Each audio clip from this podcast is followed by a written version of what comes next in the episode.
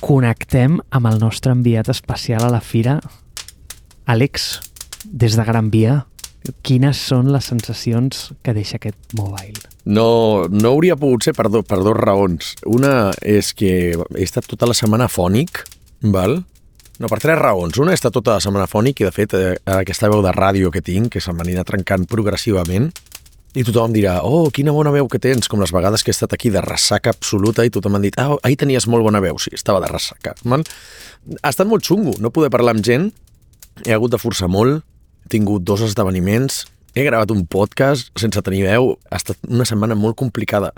Fins al cul de bucometasana, frenadol, no sé, tio, quins altres medicaments m'he pres per, per reduir inflamació, recuperar la, la veu, recuperar la gola i tot això. Això aquest ha estat un motiu. Dos, segon motiu, molta feina. Eh, al final, quan estàs allà, eh, et surten reunions improvisades, gent que et canvia el lloc de trobada, no saps bé, bé on has d'anar, et canvien el lloc de la xerrada, et canvien l'horari, vull dir que... I és un caos, saps? I, hòstia, ens trobem aquí al pavelló 5, al costat de no sé què. Vas i, no, ah, no, mira que m'he mogut, que al final estic al no sé quantos. Perds molt de temps en aquestes transicions.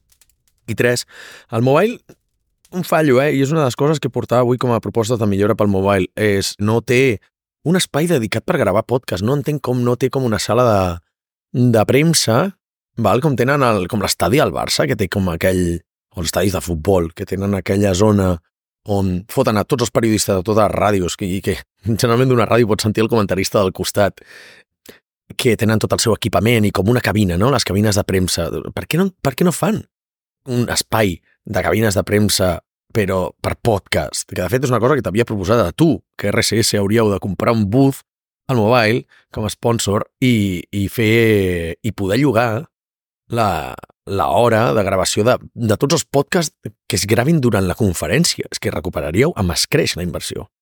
Ah, val, o sigui, tu dius llogar-ho, eh? Perquè, clar, a veure, jo no tinc un títol universitari de, de lloguer de, de booth de podcastings, però la cosa em diu que ràdios n'hi han quatre, està a la SER, Catalunya Ràdio i rac i podcasters n'hi han 4 milions. Llavors, clar, igual fer casar l'oferta i la demanda és complicat, però si la llogues ja és diferent, perquè en el moment que la teva barrera d'entrada es diu un euro, ja ens venim a la sèrie i a Catalunya Ràdio un altre cop, eh? Sí, és una bona idea, aquesta. El, això, això ho vaig veure perquè, um, hòstia, ara patinaré com sempre, però Transistor o Amplifier, no sé qui, ho van fer en una conferència de Ruby on Rails fa, uns, un parell d'anys i van posar un, un booth a disposició de tothom que volgués gravar un podcast. Però clar, vull dir, la trampa, diguem, era que, clar, ells es dediquen a això, amb la qual eh, sí, vine aquí a gravar el teu podcast. Per cert, nosaltres tenim una plataforma de podcasting, per tant, segur que et surt a compte perquè acabes recuperant el retorn en la inversió. A veure, Àlex, si aquest podcast té una sola norma, és que no es poden mencionar competidors de RSS, eh? de la mateixa manera que jo mai menciono competidors de Mars-based, eh? No n'hi no ha, no tenim competidors, tio, és per això que no els pots mencionar. I els menciono jo. No, però és molt curiós, eh? Perquè dius, hòstia, una de les coses que m'ha xocat... Mira, et diré que ha estat no m'has preguntat la valoració, però em faig jo la pregunta. Què tal què t'ha semblat, Àlex, la, la, el mobile d'enguany i quina és la valoració? Doncs mira, valoració molt bona. Feia, feia anys que no m'ho passava bé anant pel, pel mobile. De fet, potser no m'ho havia passat bé mai. Val? Sempre vaig al 4 Years From Now i que li donin per sac al mobile perquè realment no, ni tinc el meu públic, ni m'interessa la tecnologia tant com per poder anar... O sigui, no m'interessa veure exposicions. No m'agrada anar de compres perquè hi ha molta gent, no m'agrada fer cua i no m'agrada veure gadgets estranys que ja els veig per vídeo i em fa absolutament el mateix efecte. Però, però aquest any m'ho he passat força bé, la veritat portant a gent a fer el tour pel mobile, gent que no havia estat mai, i ha vingut, evidentment, valgui la redundància per primer cop.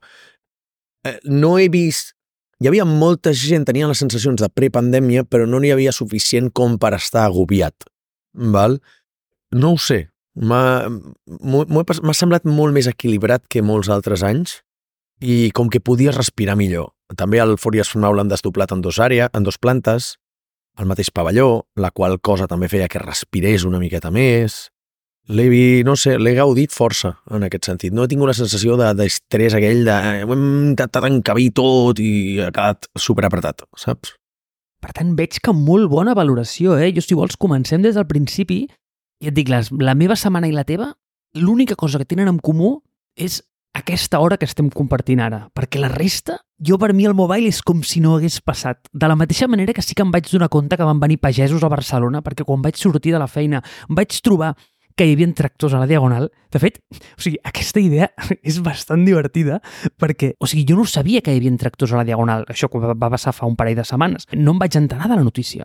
I clar, jo vaig sortir pel carrer Aribau exactament igual com faig cada dia de la meva vida, vaig girar a l'esquerra i al creuar diagonal vaig començar a veure com tractors parats al mig de la diagonal. A sobre va coincidir que estava veient la sèrie de Silo, no sé si l'has vist, però fill meu, evidentment que no l'has vist perquè no en veus cap, però jo només miro les apocalíptiques, el món se'n va a la merda, tota la humanitat et deixa d'existir, doncs Silo és exactament el pare d'aquesta sèrie. És aquesta idea de que tota la humanitat se'n va viure sota terra perquè no saben què ha passat a dalt. I no farem spoilers perquè la sèrie és molt bona. Llavors estava veient això i clar, hi veig tractors parats al mig de la diagonal i, i el primer que vaig pensar va ser Silo, ja està, game over. I vaig preguntar a una persona del carrer ei, què està passant aquí i em van explicar que hi havia una vaga de pagesos i vaig dir, val, o sigui, sembla que tot està dins de la, de la normalitat. Llavors, aquest any he vist molts pocs cotxes negres, cosa que valoro bastant, però el meu primer contacte amb el mobile, que va ser l'única cosa que et vaig compartir de tota la fira, va ser unes declaracions del president dient que amb un parell d'ous volia crear un model fundacional d'intel·ligència artificial. Digue'm, si plau, Àlex, que estaves al seu costat en aquell sopar i el rei a l'altra banda. no, no hi ha gaires probabilitats de que això passi. No, no. I, de fet, bueno, eh, què han de fer? O sigui, al final, jo, jo crec que ni tan sols ells són propietaris de les coses que han de dir.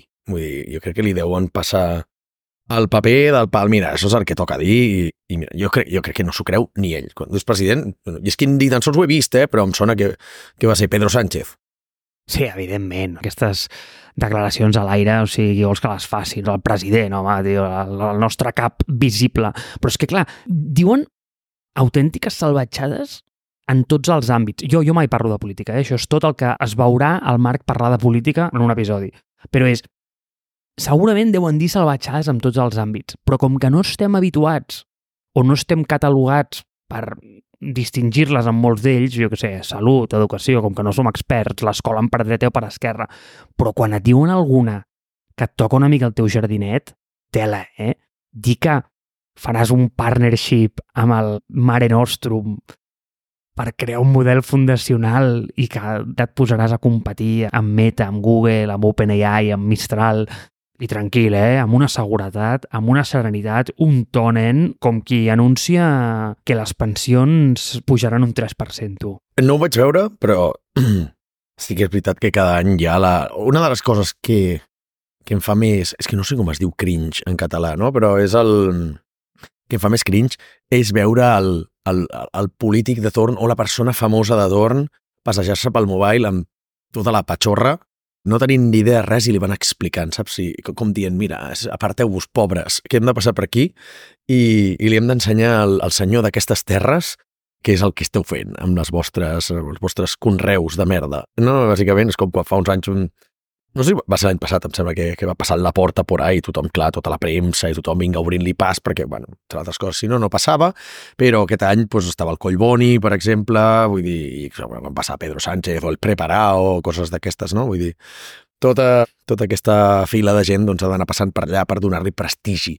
Dèiem a l'episodi anterior que, que Apple es pot permetre no estar allà, no? Per tema de prestigi, perquè doncs, al final, el que deies tu, no? muntem els nostres propis xiringuitos, nosaltres només presentem aquí i ja està. Però, però al, al, al mobile, el fet que uh, un polític hi vagi li dona prestigi al polític, no li dona prestigi al mobile. I si deixen el polític de torn, si no hi anés Pedro Sánchez, el mobile seguiria tenint tot el prestigi del món, saps? Vull dir que no, no... Per tant, no entenc tant aquestes visites... Eh, jo crec que no, no li donen cap tipus de, de, de, de plus al mobile que passi Pedro Sánchez, el papa de Roma... Bueno, el papa de Roma podria dir que igual sí, saps? Eh, però passi Pedro Sánchez o pitjor encara Pere Aragonès, doncs que no, no li fa cap favor, bàsicament. Bueno, va, nen, explica'ns, què vas veure per allà? Què, què, què, què et vas trobar? Què et va fer gràcia? Mira, eh, res absolutament interessant, val? O sigui, jo ja anava... Jo, a veure, jo ja estic preparat eh, per aquest tipus de coses i a mi ja no m'impressionen el... O sigui, com t'ho diria, els expositors del mobile, m'hi falta no sé si estava Tesla, eh, però m'hi faltava Elon Musk. Per què? Perquè fa no sé quants anys que va dient que els seus cotxes tenen la conducció autònoma i en realitat no la tenen, doncs hauria d'estar al mobile. Perquè és com cada any es presenten cotxes voladors, que són aquests mena de, de drons enormes o helicòpters petits, i, i no els veuràs mai. Es presenten cotxes de, de prototips absolutament ridículs i, i desproporcionats que no es veuran mai, doncs per què no, no està el Cybertruck allà, no? El mobile tampoc és una... Jo comentava amb algú l'altre dia, eh? el mobile no és una fira de presentació de tecnologia, no? de fer grans presentacions. No, no sé exactament, no la conec tant com per poder dir, no, és que, ah, no, que clarament és una fira de negocis, una fira de reunions, és una fira de, de discussió, de debat, val, fantàstic, però precisament de presentació de coses tampoc em sembla que sigui trencadora, eh? I segur que estic patinant moltíssim perquè, oh, no, sí, Samsung ha presentat no sé quina història. Al final, mòbils plegables, mòbils amb pantalles per davant i per darrere, panells una miqueta amb 3D i il·luminacions més o menys, com dir-ho, més sofisticades. No vaig veure cap article que diguessis, joder, que xulo, saps? O sigui, segurament es van veure coses més xules al IC fa un parell de setmanes que en el mobile, a nivell de hardware, eh? Ja, és que tens el teu punt aquí, eh? Que igual aquesta fira és menys de consum i més professional que altres com la IFA de, de Berlín, que es fa al setembre, o la del CES de, de Las Vegas, que aquestes sí que són de consum, consum. Però el CES es fa molt business, no? També, vull dir, jo tinc l'impressió que el CES i a part es presenten coses. És com que és més sèrie en el... No sé, tio, no, no et sabria dir. Igual no em refereixo a més business, sinó que em refereixo a més del sector, més professionalitzada. És a dir, aquí possiblement s'ensenyen coses que venen més de la mà de tecnologies mòbils, com bé diu el seu nom. El CES és una fira generalista on es presenten Déu i sa mare. En canvi, aquesta és molt enfocada del sector. Bueno, clar, però que el Four Years From Now també l'ha humanitzat molt des d'un punt de vista de startups i de tecnologia. Potser sí. Potser tens raó, Àlex. El que és curiós és que, clar, el, el, el mobile vol sortir del tema de tecnologia mòbil, perquè no oblidem que venia d'això, no? Vull dir, d'aquí el nom, per convertir-se en, en una fira de tecnologia en general però trobo raro que empreses d'àudio, per exemple, no vagin allà, quan al final també és tecnologia, no? O sigui, segueixen presentant totes les empreses de mòbils, menys Apple, totes les empreses, totes les consultores, totes les empreses de cotxes, totes les delegacions territorials barra nacionals, que si doncs, el, el, com es diu, el, le French Tech, els Invest in Dubai, els Germany Business o Business Germany, totes aquestes històries, tots els, els productors de chips, tots els productors de pantalles, tots els productors no sé què, però, per exemple, hi ha un sector que és enorme, que és el d'àudio, que no estan allà. Vull dir, que algú em corregeixi, eh, però crec que no, no està al mobile. I el, el seu, diguem, equivalent ah, en català, que són la gent d'Eichler, que, que ara conec també, no, no es presenta al món. Van dir, no tenim res a fer al mobile, és que no, no és la nostra no és la nostra conferència, no? Per tant, d'alguna manera la gent segueix quedant-se amb la copla de que és, el, és una, una fira de, de mòbils, tot i que cada cop veus més coses que, que si els cotxes, que si eh, tot, altres tipus de gadgets, no? I per això dic que si s'ha de convertir en una, en una fira de tecnologia, li falta un component molt gran que és el tenir com més diversitat d'ecosistema. M'explico. Sigui, tu veus el 80% de les persones que entren al mobile i són exactament el mateix tipus de persona, val?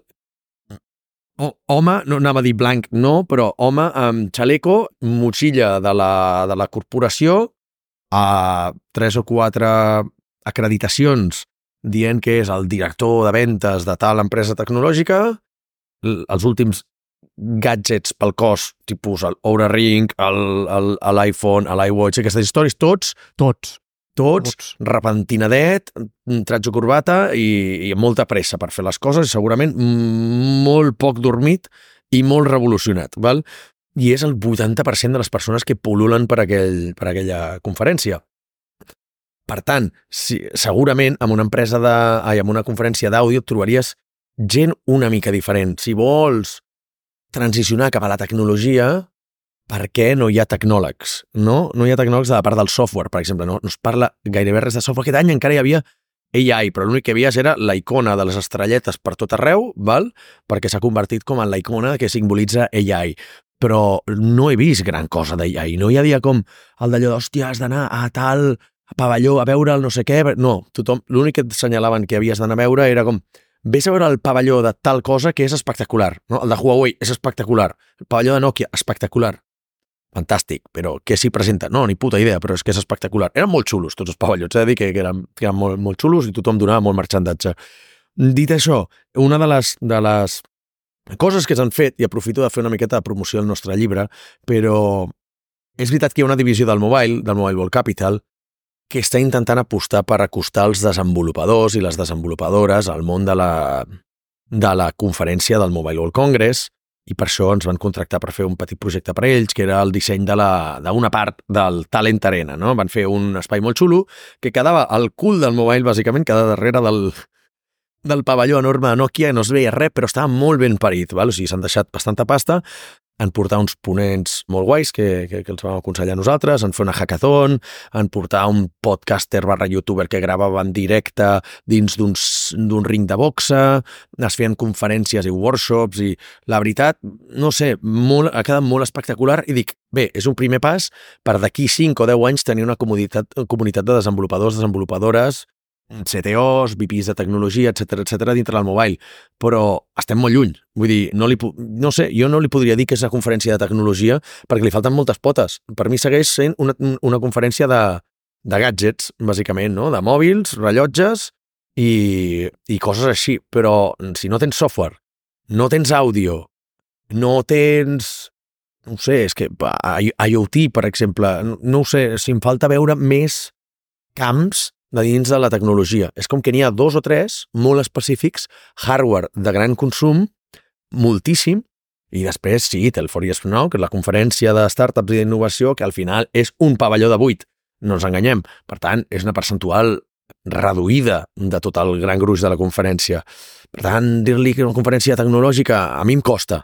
Mm, hi ha molt camí per recórrer, però bueno, benvingut sigui i, i segur que ho, ho aconseguiran. I a nivell tecnològic, Ara, ja, ara que has mencionat a la gran ausent, que és Apple, i sempre ho és, evidentment, Apple no participa de cap esdeveniment públic que no controli ella, i per això fem episodis dedicats per cada una de les seves presentacions.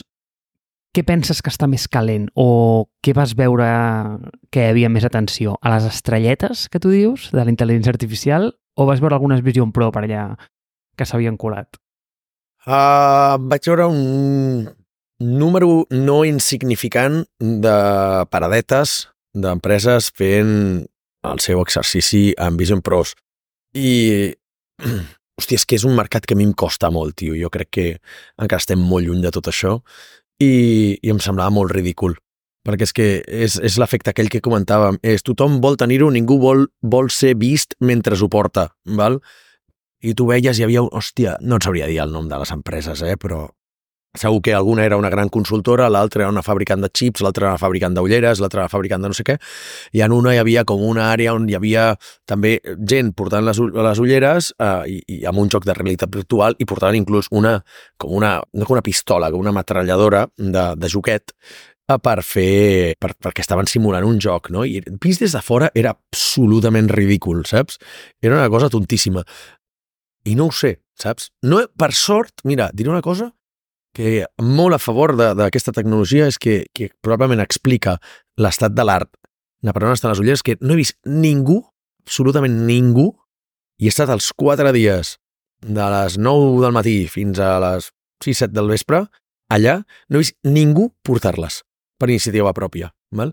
Posar-se-les en un estat de demostració per fer una prova i tot això sí, però absolutament ningú caminant per allà les portava, eh? Clar, no he vist a, tot, tota, no he vist a totes les persones de la conferència, però collons, he estat allà tots els dies, eh? Quatre dies. A les Google Glass les veies per tot arreu. Clar, és que fixa't, eh? tenen una experiència per compartir molt dolenta, perquè clar, tu quan estàs veient alguna amb algú a la tele tens com una experiència o un context compartit en el qual dius, hòstia, mira, mira que guapo, jo què sé, com és un partit de futbol o alguna així, però és que inclús això ho tens amb el mòbil, no? Que ho pots compartir d'una manera molt, molt senzilla i molt ràpida. Això té un mecanisme o sigui, de compartir que és nefast, és molt dolent, perquè estàs disfrutant tu, però no, no ho pots explicar a ningú. És un dispositiu molt narcisista en aquest aspecte i ha de ser molt difícil explicar aquesta idea en algú, però clar, d'aquí jo crec que hi ha un salt brutal a veure una persona en un bar en lloc d'estar treballant en un ordinador, saps el mític sandwichet d'aquí de la Via Augusta? En lloc d'estar treballant amb l'ordinador, imagina't amb la, amb la Vision Pro. Jo crec que si està de cara a la paret hi haurà el mític que, que, que li donarà collejas o, o que l'emputrarà contra la paret o alguna cosa. Això generarà hate, Àlex. Per mi són dos casos durs. Un, el de treballes tu sol a casa i és per gaudir-ho tu, val? O sigui, i ni tan sols per treballar, eh? perquè per lo que diuen cansa molt els ulls, o sigui, tu imagina't les pantalles normals i et cansen moltíssim, imagina't tenir allò tirant-te llum als ulls, o, bueno, no sé, segurament serà retroil·luminat, però és igual, vull dir que al final tens una pantalla molt més a prop, has d'enfocar molt més a prop del que naturalment hauries de fer-ho, o el de compartir experiències remotes. És a dir, jo estic al sofà de casa meva, tu estàs al sofà de casa teva i anem a un concert de, de jo què sé, d'algú molt espectacular i, i ho mirem junts i tenim una experiència VIP i és super immersiu i mira, mm, no podem anar-hi perquè aquest concert es fa a San Francisco i, i tu i jo doncs, som a Barcelona, però realment volem veure l'especial de Metallica 50 anys que segurament faran algun dia d'aquests, si no l'estan fent ja, i que té una experiència molt xula, s'ho han currat i dius, va, no anirem a San Francisco, no ens fotrem 12 hores, anada 12 hores tornada per veure això, saps? Però, escolta, doncs pagaven experiència ben parides al sofà de casa, tu amb les teves ulleres, jo amb les meves, com si tu i jo estiguéssim l'un al costat de l'altre, aquí hi veig alguna Jo aquí sí que ho veig, sobretot pels que tenim, segurament som un subconjunt de gent bastant particular, d'amics i família distribuïts per tot el planeta i que ens veiem molt menys del que podríem, deuríem i ens agradaria per, per la distància física i per les obligacions del dia a dia, saps? Però jo, si jo tinc amics a Austràlia, amics i família a Alemanya o l'altra punta d'Espanya i coses d'aquestes, joder, no sé, m'agradaria poder... Potser no passes més temps amb ell, però passes experiències amb aquesta gent i és una manera de compartir coses que fins ara no podíem. És l'única cosa que ho veig jo com a capacitadora de noves experiències d'un mercat que encara no existeix. Sí, tens un punt aquí, eh? També curiós que quan érem petits la nostra mare ens deia que no miréssim la tele gaire a prop, eh? és veritat, però bueno, també és veritat que si estaves molta estona davant d'una tele de rajos catòdics, bàsicament estaves sent bombardejat per una quantitat de radiació que ni fent 500 vols a l'any Arribes, Dani, eh? Sí, correcte. Bueno, de fet, no ho sé perquè abans, no sé si recordes també, però els avions, a la fila de darrere, jo veia gent que fumava, eh? Jo no vaig agafar mai avió mentre es podia fumar, jo vaig agafar els primers que no, no es podia fumar. També diré que, mira, eh, de fet, parlant de radiació, anècdota molt curta, eh? però me'n record l'ordinador sobre taula que jo tenia de, de, de petit, o jo que sé, per l'institut, doncs que els meus veïns em van regalar un cactus d'aquells que diuen no, que això absorbeix la radiació. bueno, va durar una setmana aquell cactus, eh? Vull dir, exagero, segurament va durar una miqueta més, però per matar un cactus, hòstia, tu has de currar, eh? Vull dir, tu imagina la radiació que emetia aquella caixa sinistra. Sí, igual jo faria un parèntesis tècnic perquè has deixat anar un concepte que potser no molta gent és familiar i és que és sabut que volar té un nivell de radiació més alt que està caminant per terra. És a dir, generalment els vols d'avions es coneixen com ser una de les activitats més radioactives en les quals et pots exposar i molta gent no, no ho sap, però vull dir, ho has dit eh, i ho has assumit que era molt el sabut, però a mi no em sembla gaire evident. No, saps per què ho sé? Perquè jo, no, a més, tu ets la gent que és, eh, tu ets el tipus de gent que sap aquestes coses i, i jo no. I és veritat, aquí he fet un marc, saps? He donat per segut una cosa que no és gaire comú. Jo ho sé perquè estic registrat a Nomadlist i una de les coses xules que tenia és que et deia que l'exposició a radiació i emissions de CO2 quan estàs volant. Val? I aleshores et diu que més o menys, o sigui, pels anys, pels viatges que has fet, no? doncs jo pels viatges que he fet tinc aquí des del 2015 una taula bastant xula de l'equivalent en vols de quants, de quants anàlisis o quants, quants rajos X pel escanejos, no? De, de pit, i jo què sé, el 2015, doncs, l'equivalent de 24, val? Oh. El 2016, 33. L'any que més, 57. El 2018 vaig viatjar bastant. Vaig viatjar 100.993 quilòmetres, val? déu nhi sigui, a nivell de radiació em sembla que aquest és el, el, el més alt que tinc. I aquí et posa també quan és el...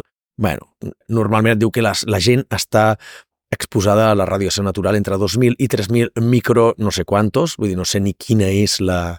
la... Cibers. Hòstia, com saps aquestes coses, tio?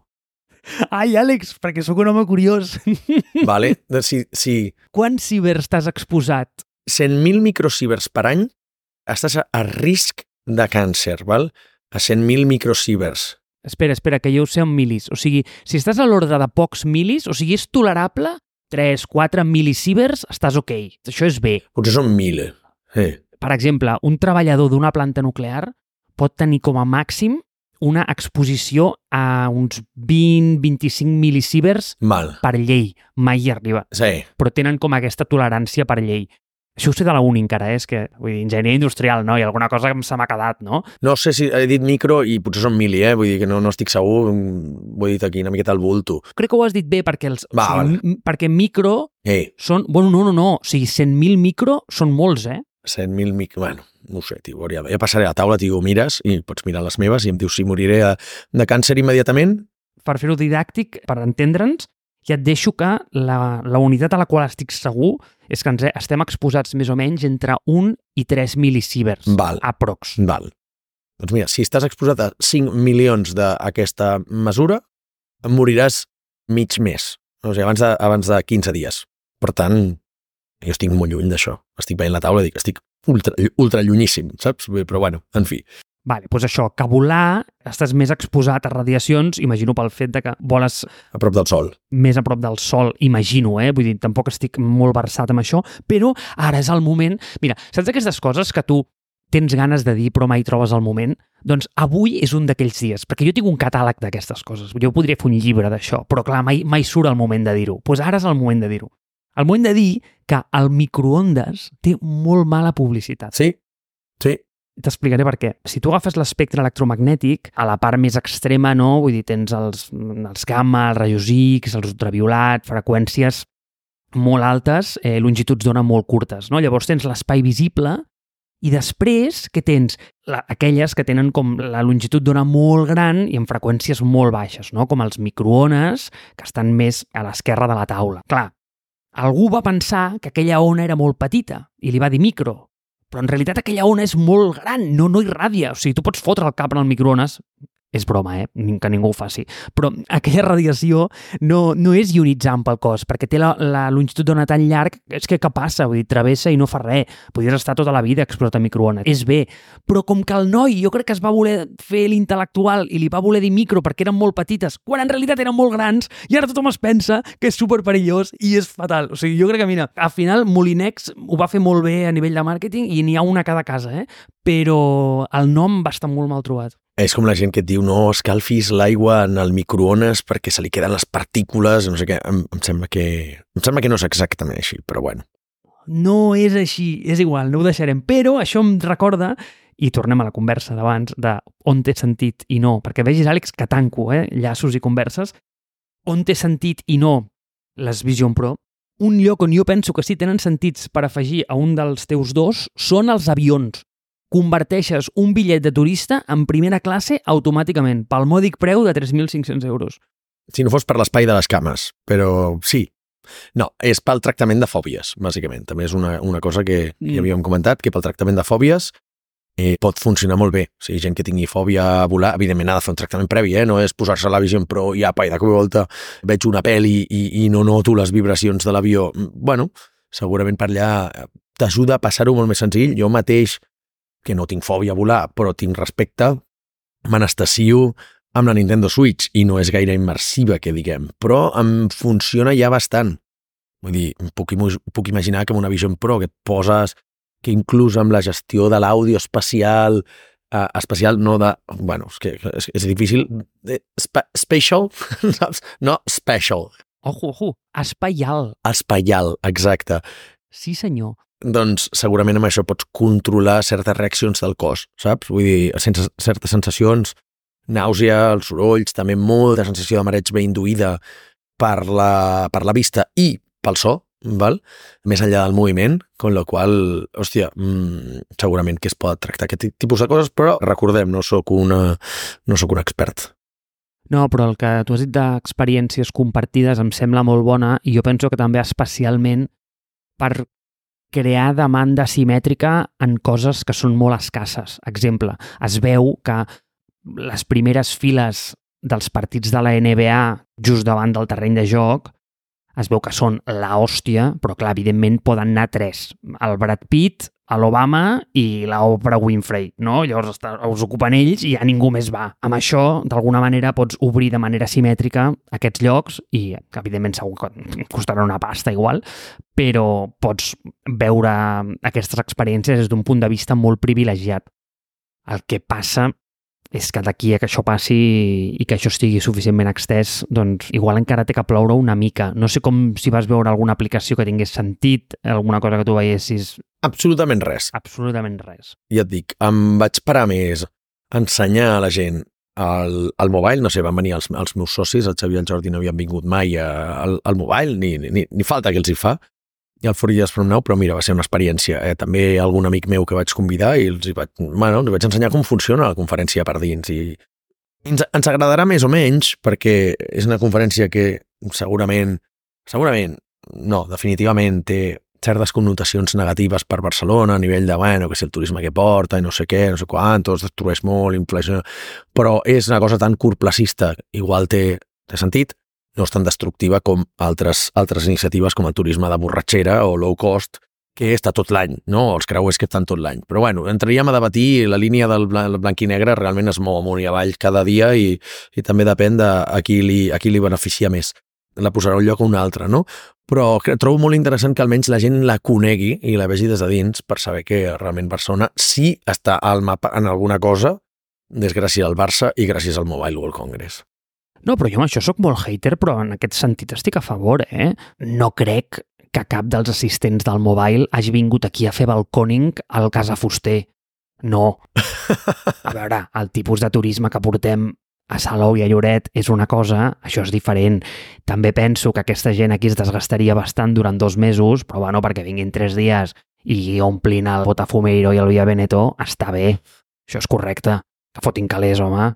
No, no, i és això, hi ha molta gent que es dedica a fer el negoci. El, el negoci derivat del, del mobile és molt interessant. O sigui, realment, quan una, una, una de les coses que fa molts anys que faig és mirar la, les segones derivades, primeres i segones derivades de les coses, no?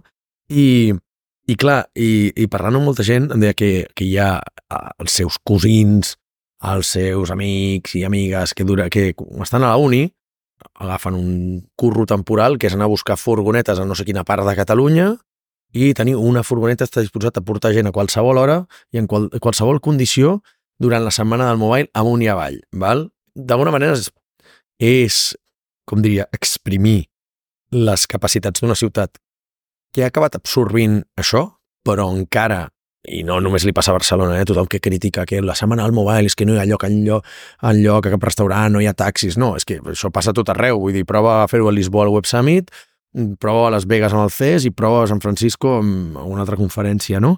O qualsevol altra història, no cal que siguin conferències tecnològiques, tecnològiques vull dir, pot ser eh, intentar agafar un taxi o el metro per la zona del Camp Nou o quan hi ha un partit del Barça i és més o menys a petita escala el que passa, el que passa durant el mobile durant 3 o 4 dies, no? Doncs el preu que s'ha de pagar.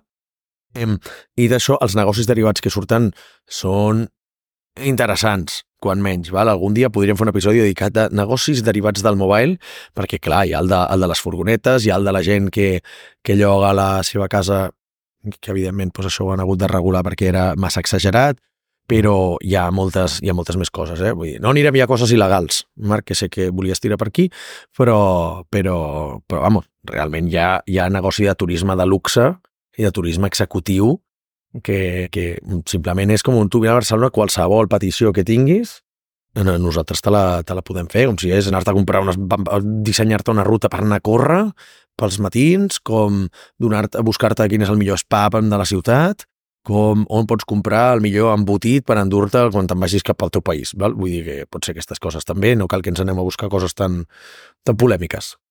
Vale, però entre l'embotit i les coses il·legals, entremig hi ha el que volia parlar. A veure. Àlex, quines són les festes bones? Doncs pues mira, jo aquest any no he pogut fer res, tio, perquè és que...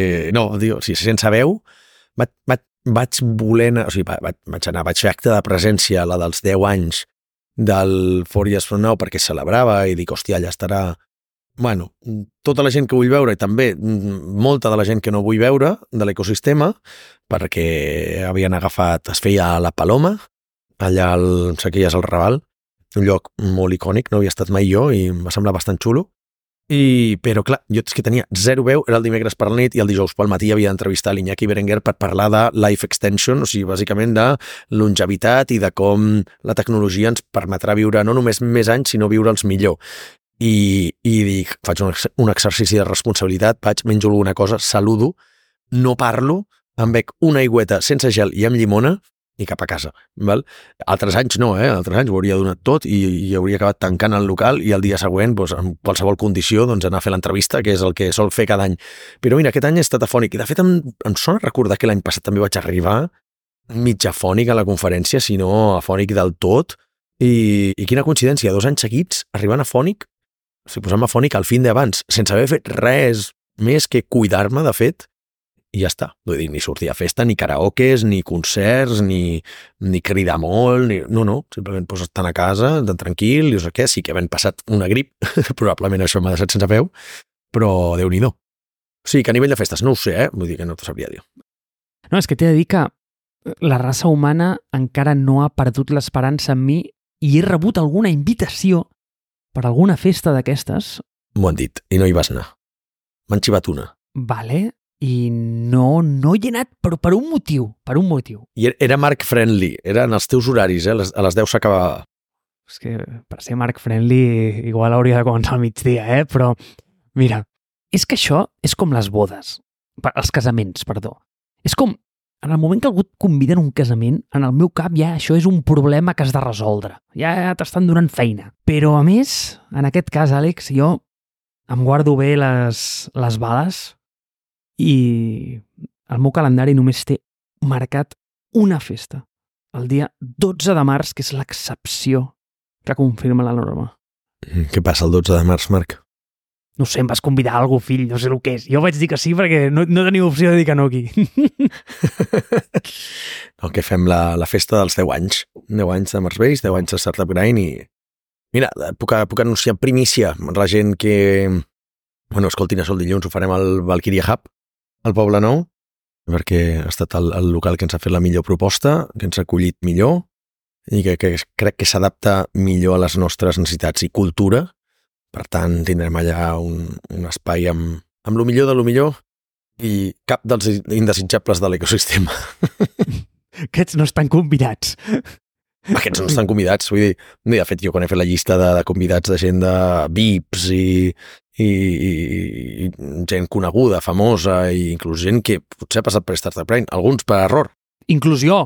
No, no, home, no. Tu ets una persona molt important i ho saps. Déu meu, tindré algun tracte especial? Hi haurà algunes coses... Hi haurà, hi haurà sorpreses, només diré que hi haurà sorpreses.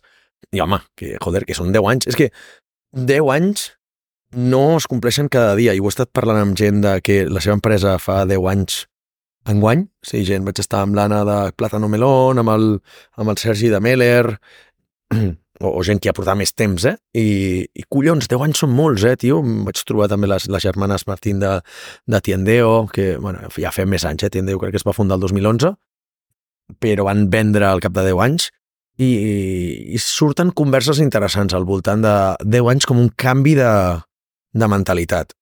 I, de fet, jo proposo que sigui un episodi a gravar dintre de poc perquè he trobat consideracions i observacions interessants al voltant de, del tema de 10 anys i com que tu i jo, directe i indirectament, estem molt relacionats amb el món de les, de les startups, que cap startup arriba als 10 anys, vull dir, si arribes als 10 anys, u, ja no ets una startup, o, o dos, no sé, t'has passat el joc, però generalment les startups no hi arriben en forma de startup, val? perquè o palmen abans o ja canvien a ser una empresa de debò i ja creixen, o són adquirides, són venudes, etc etc. Per tant, és curiós arribar a 10 anys amb la mateixa, amb la mateixa forma, més o menys, d'empresa, i tot el que això comporta, a nivell de motivacions, reptes, problemes, coses que no t'esperaves, aprenentatges, mmm, crec que dona per, per bastantes coses de què parlar. Home, nen, és que en el món en el que ens movem, 10 anys, jo penso en mi i l'única cosa que he fet durant 10 anys és aguantar-me a mi mateix. I ja està. O sigui, no he fet res més durant 10 anys. Segur que no, impossible. Ironhack també hauria, haurà fet 10 anys aquest any, no? Ironhack no va començar el 2014? Sí, però jo amb ella no. Tu no, però vull dir que com a empresa, no és una empresa que es va fundar també el 2014, potser el 13, ara aquí penso. Sí, que no te'n recordes que ho vam comentar, que vaig anar a Madrid. Sí, exacte. Ah, vale, sí, clar, clar. Que va ser per la única cosa que em vaig moure, que va ser per anar a Madrid, per anar a Ironhack. Ja et mous per algú més, no només per mi, eh? No, perquè jo era l'any passat, jo faig una per any. Ah, vale. Ben, jugada, ben tirada, ben tirada. Home, no ens anem a desgastar, Àlex, per favor, que la vida ja és prou intensa. Hosti. O sigui que no et veurem mai al mobile, no? Perquè això ja computaria com una festa per tu. Bueno, clar, si no fessis l'Startup Grind, igual m'hagués plantejat anar-hi, però ara, masses coses, massa juntes. T'agobies, t'agobies. Pues no, no, jo, jo de la part del, de la part del mobile, jo no tinc molt més. Sí que com a suggeriment, saps quina, quina hauríem de fer, no, Marc? És que li falta el mobile. Ho sé, ho sé.